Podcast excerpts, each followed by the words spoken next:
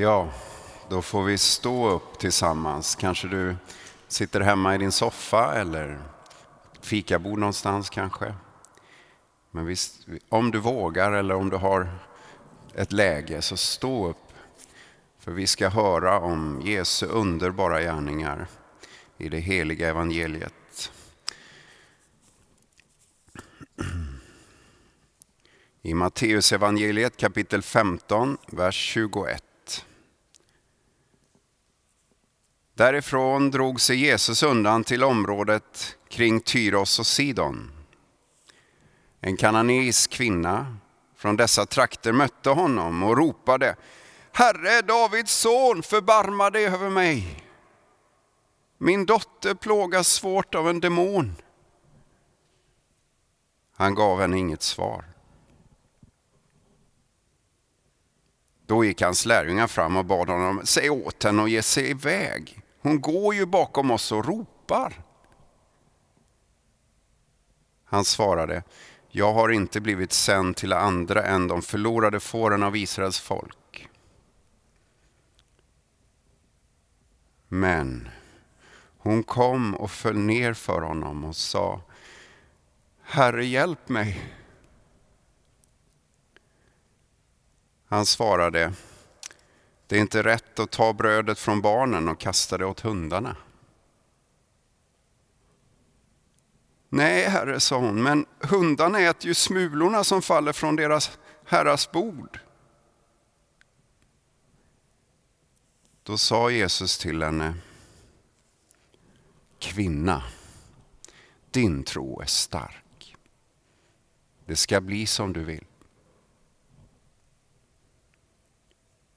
Och från den stunden var hennes dotter frisk. Så lyder det heliga evangeliet. Lovad vare du Kristus. Varsågoda och sitt igen.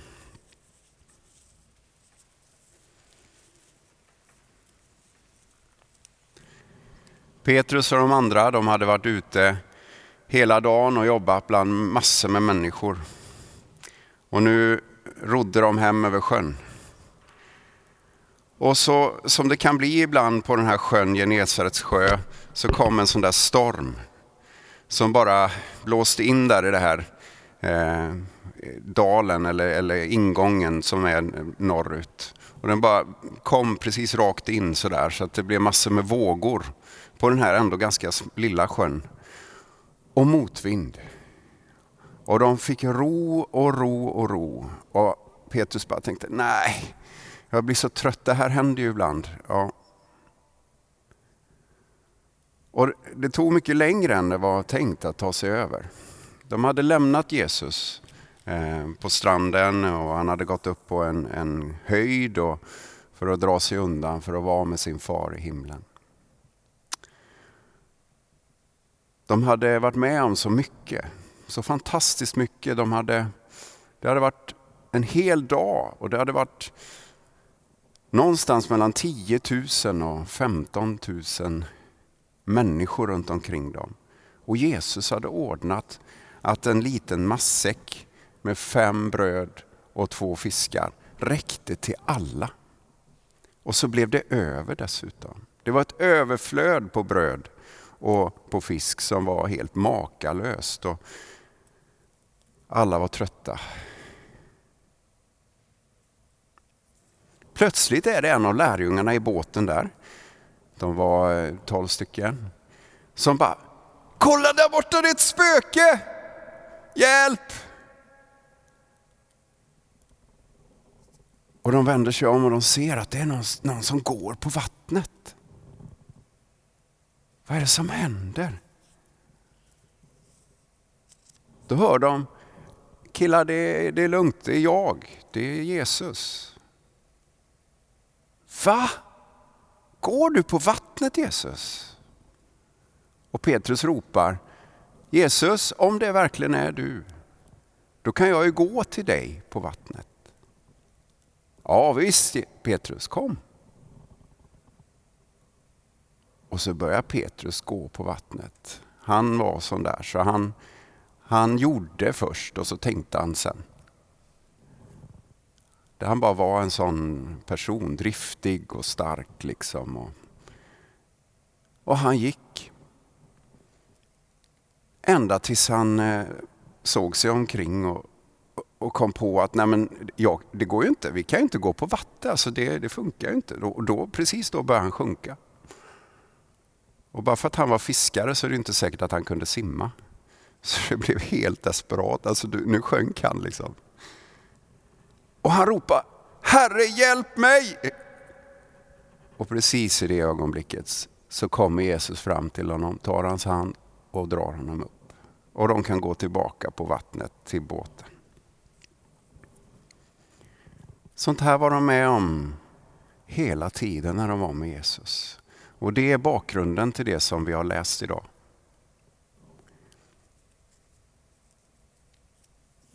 Det var människor överallt, det var stora behov.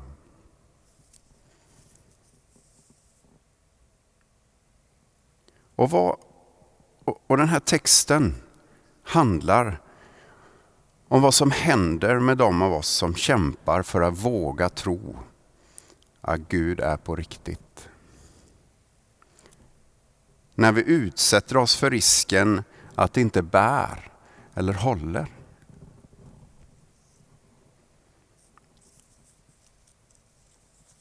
Som Petrus gjorde.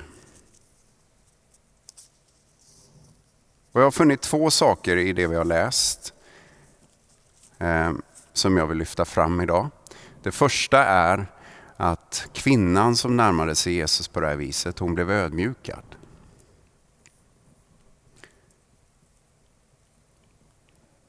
återigen hade de en situation där det var så mycket folk och, och Jesus som var 100 procent Gud och samtidigt 100% människa, sann Gud och sann människa, levde under våra villkor. Liksom. Han blev trött.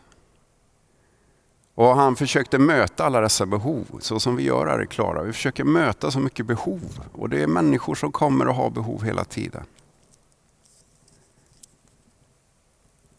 Och han drog sig tillbaka som han försökte göra ibland. Och han var trött.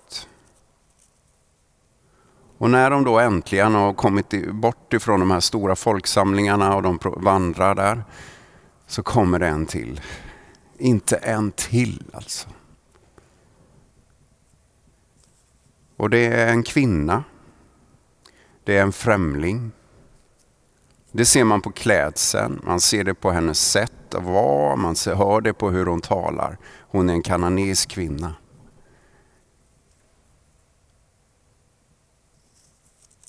Och En kvinna på den här tiden skulle inte heller gå rakt på sak på det här viset som hon gör.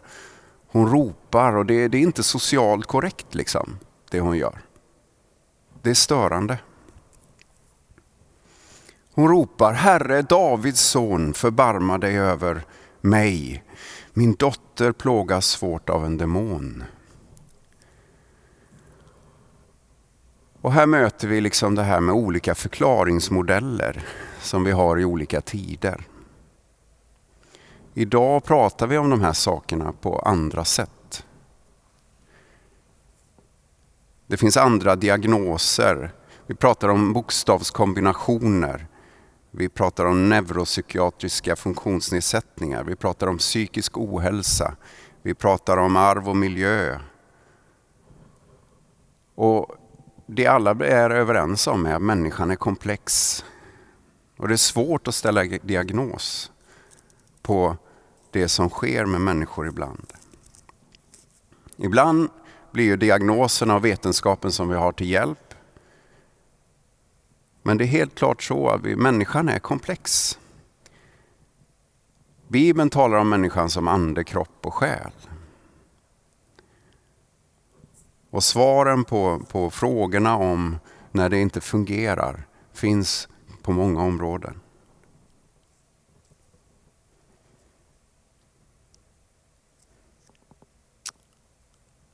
Ibland blir våra diagnoser och vår vetenskap till hjälp. Vi kan arbeta med kravanpassning. Vi kan eh, ha rätt förväntningar till exempel på den som har diagnosen ADHD. Vi, vi kan ordna en situation som funkar. Vi kan till och med hitta styrkor i, i de här, eh, till exempel ADHD. ADHD har ju gett oss många väldigt starka och driftiga och företagsamma personligheter som, som uträttar mycket för samhället. Autistiska drag till exempel. Där kan det finnas specialintressen, människor som, som kan forska och, och, och, och utforska och nå långt i vetenskapen. Och kanske ha hjälp av ett autistiskt drag. Så det finns ibland styrkor också. Men när det är svåra fall av de här sakerna, vad det nu än är, så kan det belasta en familj oerhört hårt. Det kan hamna, man kan, som familj kan man hamna i en situation där uppfostran och kärlek liksom inte räcker till. Och ibland så räcker inte heller samhällets expertis till för att hjälpa en familj. Och tyvärr så är det ofta och ibland så att den ekvationen inte går ihop helt enkelt.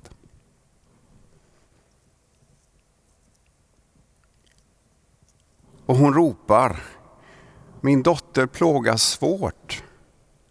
Och jag, jag kan inte komma på något egentligen som skulle vara värre. Att vara maktlös inför sin egen dotters lidande. Så det är en fruktansvärt smärtsam och desperat situation och det är ett nödrop som inte blir socialt korrekt.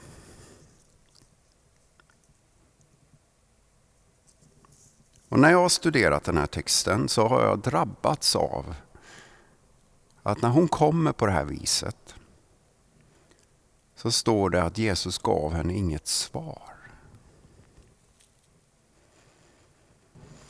Och lärjungarna runt omkring Jesus, de som vandrar med honom, make sense liksom.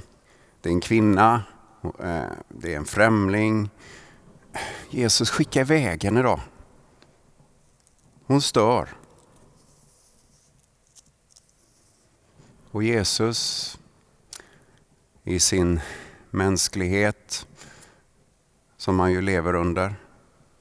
Jobba med sina prioriteringar. Vad var det som jag kommit till världen för att göra? Är det verkligen Guds timing? Här är en främling.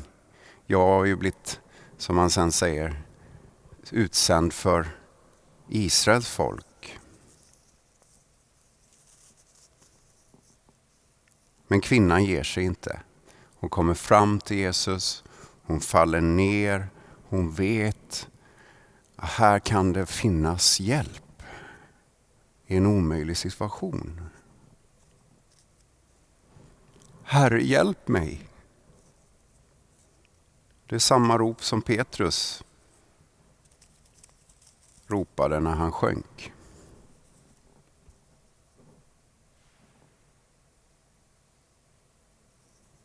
Och det här är helt rätt enligt Gud. Jesus undervisar i Lukas evangeliet till exempel, kapitel 18 där. Då sa han så här, han gav dem en liknelse för att lära dem att alltid be och inte ge upp. I en stad fanns det en domare som varken fruktade Gud eller brydde sig om människor.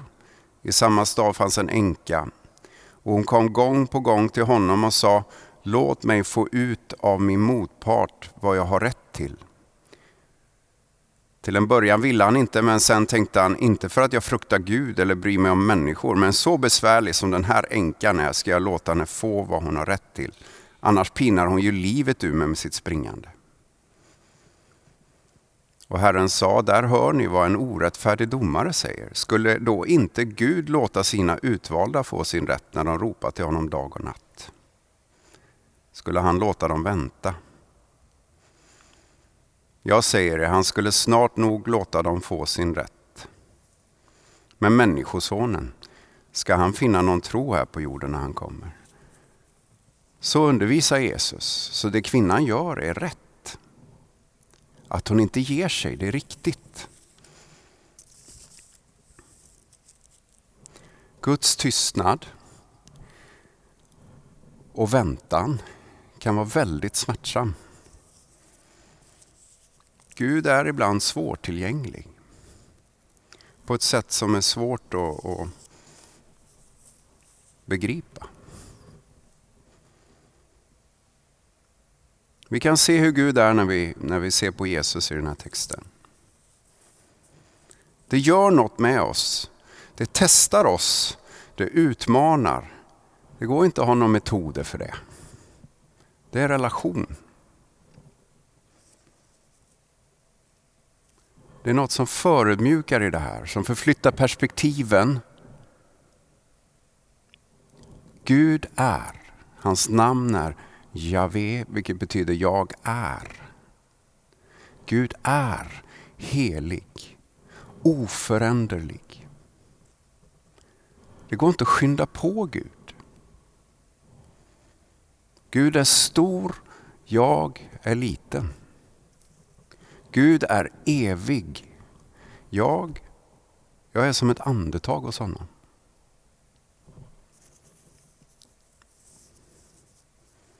I sin omsorg så vet Gud när han ska handla på min bön.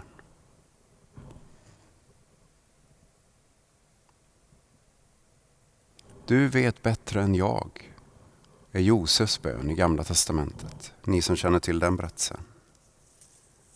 Han fick vänta på Gud. Och han fick be Gud, du vet ju bättre än jag. Han såg ingen framtid. Och Gud väntade och jobbade med Josef. Guds tystnad föder och stärker min tillit. Det gör ont i min självupptagenhet att Gud är tyst ibland. Så det första det var att hon blev ödmjukad. Det andra det är att hon blev befriad. Herre hjälp mig.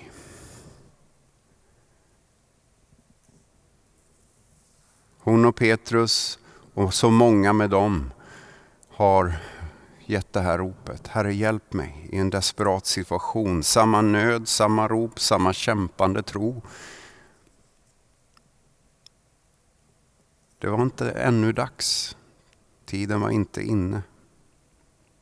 Det var inte dags för främlingar att ta emot Guds rike. Och Jesus säger, det är oerhört förödmjukande tycker jag på många sätt det han säger i vers 26. Det är inte rätt att ta brödet från barnen och kasta det åt hundarna. Och vi, vi har lite annat förhållande till, till hundar idag. Det är ju liksom våra, här i Sverige är det liksom en sällskapsdjur. Men på den här tiden så var hundarna det var byrackor. Liksom. Det är inget vackert bildspråk.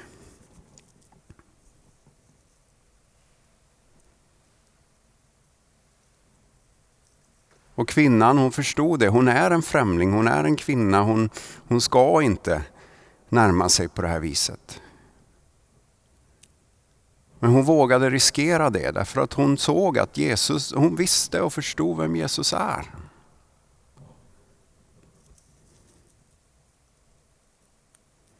Jesus är Davids son. Hjältesonen, till hjältekungen. Som Gud hade lovat från evighet. Räddning finns hos honom. Läkedom finns hos honom.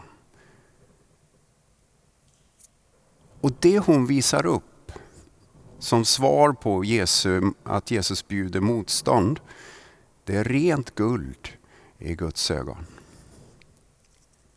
Jesus blir djupt imponerad. Denna kämpande tro som hon visar prov på rör vid Guds hjärta.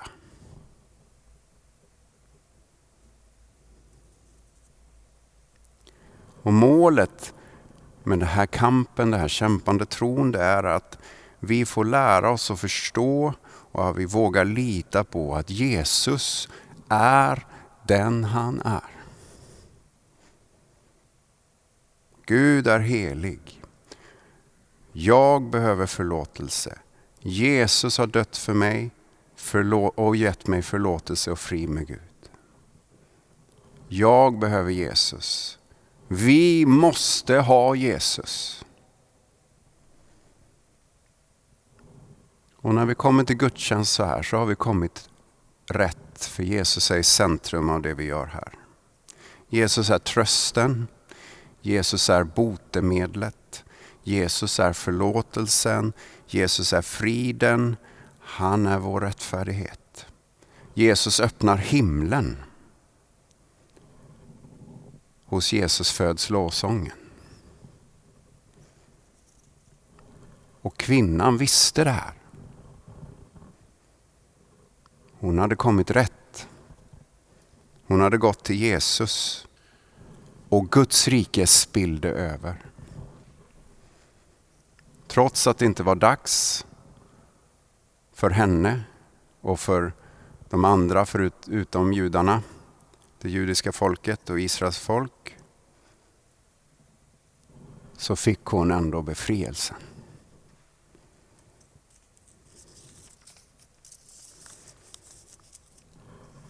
Hon var befriad, först ödmjukad, men sen blev hon befriad.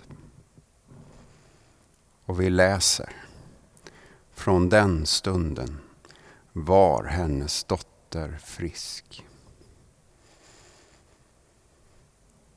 Den här omöjliga familjesituationen läkt, löst, befriad. Bo Giertz säger så här när han kommenterar den här texten. Han säger att tron möts här som alltid av nåden.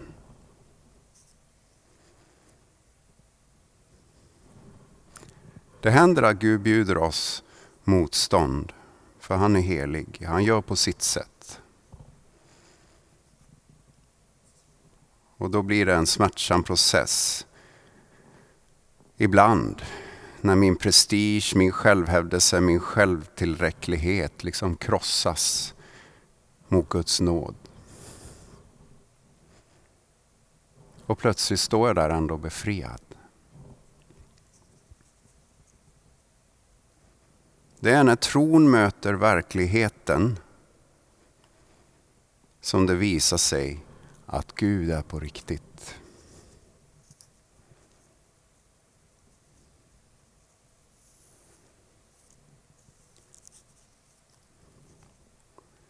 Så den kämpande tron, det handlar om att vi blir ödmjukade men sedan befriade.